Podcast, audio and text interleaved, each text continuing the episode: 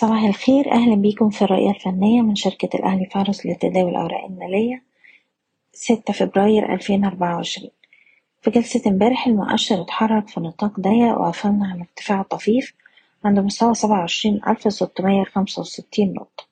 حافظنا على مستوى الدعم وأقل مستوى اتسجل في جلسة الأحد عند السبعة وعشرين ألف مية وستين. وأحجام التداول امبارح كانت مرتفعة نسبيا. مازال عندنا فرصة إن إحنا نشوف استمرار لمحاولات الارتداد وده طول ما إحنا محافظين على مستوى الدعم الهام لستة وعشرين ألف وخمسمية نقطة. وبنركز على مستوى المقاومة الأول عند التمانية وعشرين ألف وخمسمية وده أعلى مستوى في آخر تلات جلسات. لو قدرنا نتجاوز المستوى ده الأعلى يبقى معنى كده إن إحنا عندنا فرصة للارتداد باستهداف مستويات التسعة وعشرين ألف ومية ويجي مستوى التسعة وعشرين ألف وتمنمية نقطة. بنبقي على رؤيتنا بأن أي محاولة للارتداد في الوقت الحالي هي فرص لتخفيض المراكز وإغلاق مراكز الشراء بالهامش حتى عودة القوى الشرائية بشكل منتظم.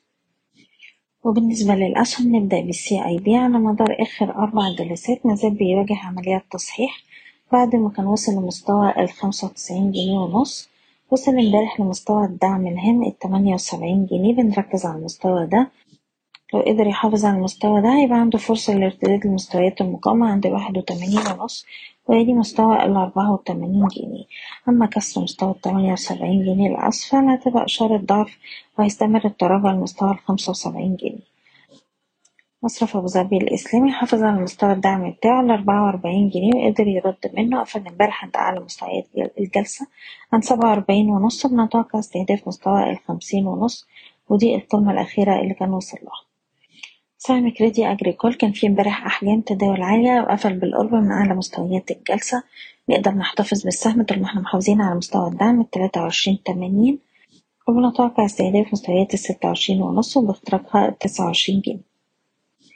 وأخيرا سهم ابن سينا وبيقرب من منطقة مقاومة هامة ما بين تلاتة ونص لتلاتة ستين ونتوقع محاولة لاختراق المنطقة دي الأعلى في حالة نجاحه باختراق المستويات دي بأحجام تداول عالية تبقى إشارة صعود مستهدف مستويات أربعة جنيه وتلاتين قرش.